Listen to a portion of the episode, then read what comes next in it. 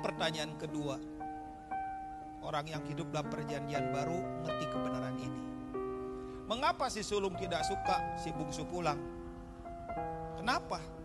Kalau dia punya ruang dalam hatinya yang besar, maka si sulung sangat senang dong kalau si bungsu pulang. Tetapi dia tidak hidup dalam kebenaran perjanjian baru. Gak ada ruang kesalahan. Enak aja pulang. Hartamu udah dihabiskan, jatahmu sudah udah nggak ada di sini. Ini jatah buat punyaku semua. Kamu nggak ada tempat di sini. Itu yang dipikirkan si sulung. Lihat dalam ayat 28, 20, 30, Lukas 15. Maka marahlah si sulung itu dan dia tidak mau masuk. Lalu ayahnya keluar dan berbicara dengan dia. Tetapi ia menjawab ayahnya katanya, telah bertahun-tahun aku melayani Bapak dan belum pernah melanggar perintah Bapak. Coba lihat kalimatnya. Telah bertahun-tahun aku melayani Bapak dan tidak pernah melanggar perkataan Bapak. Lihat, ini orang sangat luar biasa.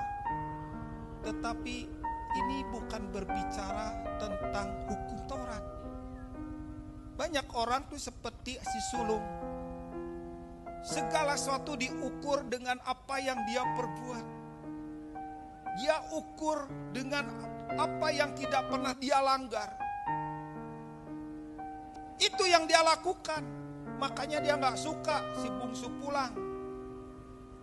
Tetapi tapi lihat di sini. Tetapi kepadaku belum pernah Bapak memberikan seekor anak kambing untuk bersuka cita dengan sahabat-sahabatku. Dia selalu mengukur hubungan itu dengan apa yang saya kerjakan. Kalau saya tidak kerjakan apa-apa, gak ada hubungan.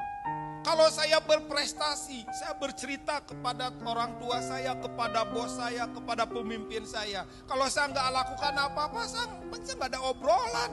Saya harus menceritakan sesuatu. Kalau saya tidak punya cerita tentang diri saya, ya saya cerita tentang kesalahan orang lain, tentang kegagalan orang lain, tentang kejatuhan orang lain. Kan ada orang yang punya hati seperti itu. Salah, salah saya dengar. Saya katakan, bukan itu. Hubungan bukan karena engkau melakukan sesuatu dan kau cerita kepada orang tuamu, kepada pemimpinmu, atau kepada ayahmu, atau kepada bosmu, atau kepada atasanmu. Dan kalau kau nggak punya cerita, jatuhkan orang lain supaya itu menjadi cerita salah besar. Itu bukan kebenaran perjanjian baru. Hubungan bukan karena prestasi. Hubungan bukan karena pencapaian. Hubungan bukan karena kejatuhan orang lain. Baru saudara datang dan saudara berjasa. Bukan.